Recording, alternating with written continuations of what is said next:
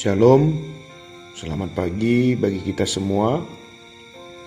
Firman Tuhan yang mau menyapa kita di pagi hari ini tertulis di dalam Markus 14 ayat 61. Tetapi ia tetap diam dan tidak menjawab apa-apa. Imam besar itu bertanya kepadanya sekali lagi katanya, Apakah engkau Mesias, anak dari yang terpuji? Ya, Yesus Mesias, tahu tapi tak melakukan. Memang sia-sia menjelaskan pada orang-orang yang pengertiannya berbeda dan tak mau mendengar pengertian dari orang lain, kecuali mereka mendapat pengertian dari Tuhan. Imam besar jasmani ini hidup dalam jalan yang lebar, penuh iri dan kebencian, seperti orang-orang Farisi.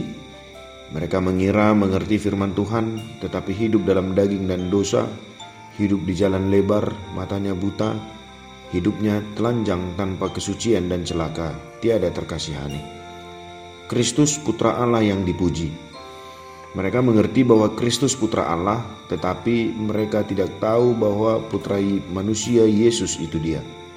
Perempuan Samaria tahu, Petrus dan murid-murid tahu, orang-orang buta yang sembuh itu tahu dan lain sebagainya. Tetapi imam besar yang adalah pemimpin dari orang-orang beribadah tidak tahu tidak semua orang mengerti kebenaran firman Tuhan dan rahasia-rahasia kerajaan surga. Meskipun seorang beriman kecil kalau ia tinggal di dalam dan dipimpin roh, ia bisa mengerti. Setiap orang yang sudah mendengar tujuan dan arah pelayanan Yesus akan mengerti kalau kedatangannya ke dunia ini untuk mewartakan keselamatan. Keselamatan yang harusnya diberitakan kepada siapa pun dan di mana pun.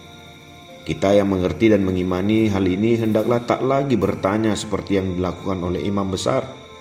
Pengakuan yang terus terang dan benar dianggap hujatan. Akan datang hari-hari yang sulit seperti ini. Memang orang-orang jalan lebar akan menganggap orang-orang dan gereja jalan sempit itu sesat, bahkan dianggap menghujat. Bahkan imam besar sekalipun menganggap itu sebagai penghujatan kepada Allah karena ia merasa pikirannya adalah kebenaran, bukan firman sebagai kebenaran. Sehingga sangat sulit bagi imam untuk percaya kepada Yesus sebagai anak Allah atau anak yang terpuji. Sehingga Allah melalui Yesus perlu menjawabnya melalui kematian dan kebangkitannya. Sehingga seharusnya kita percaya karena telah mengetahui Dia yang mati dan dibangkitkan untuk kehidupan, kebenaran, dan keselamatan kita. Tahu dan mari kita percaya. Kembalilah kepada firman Allah. Tuhan memberkati.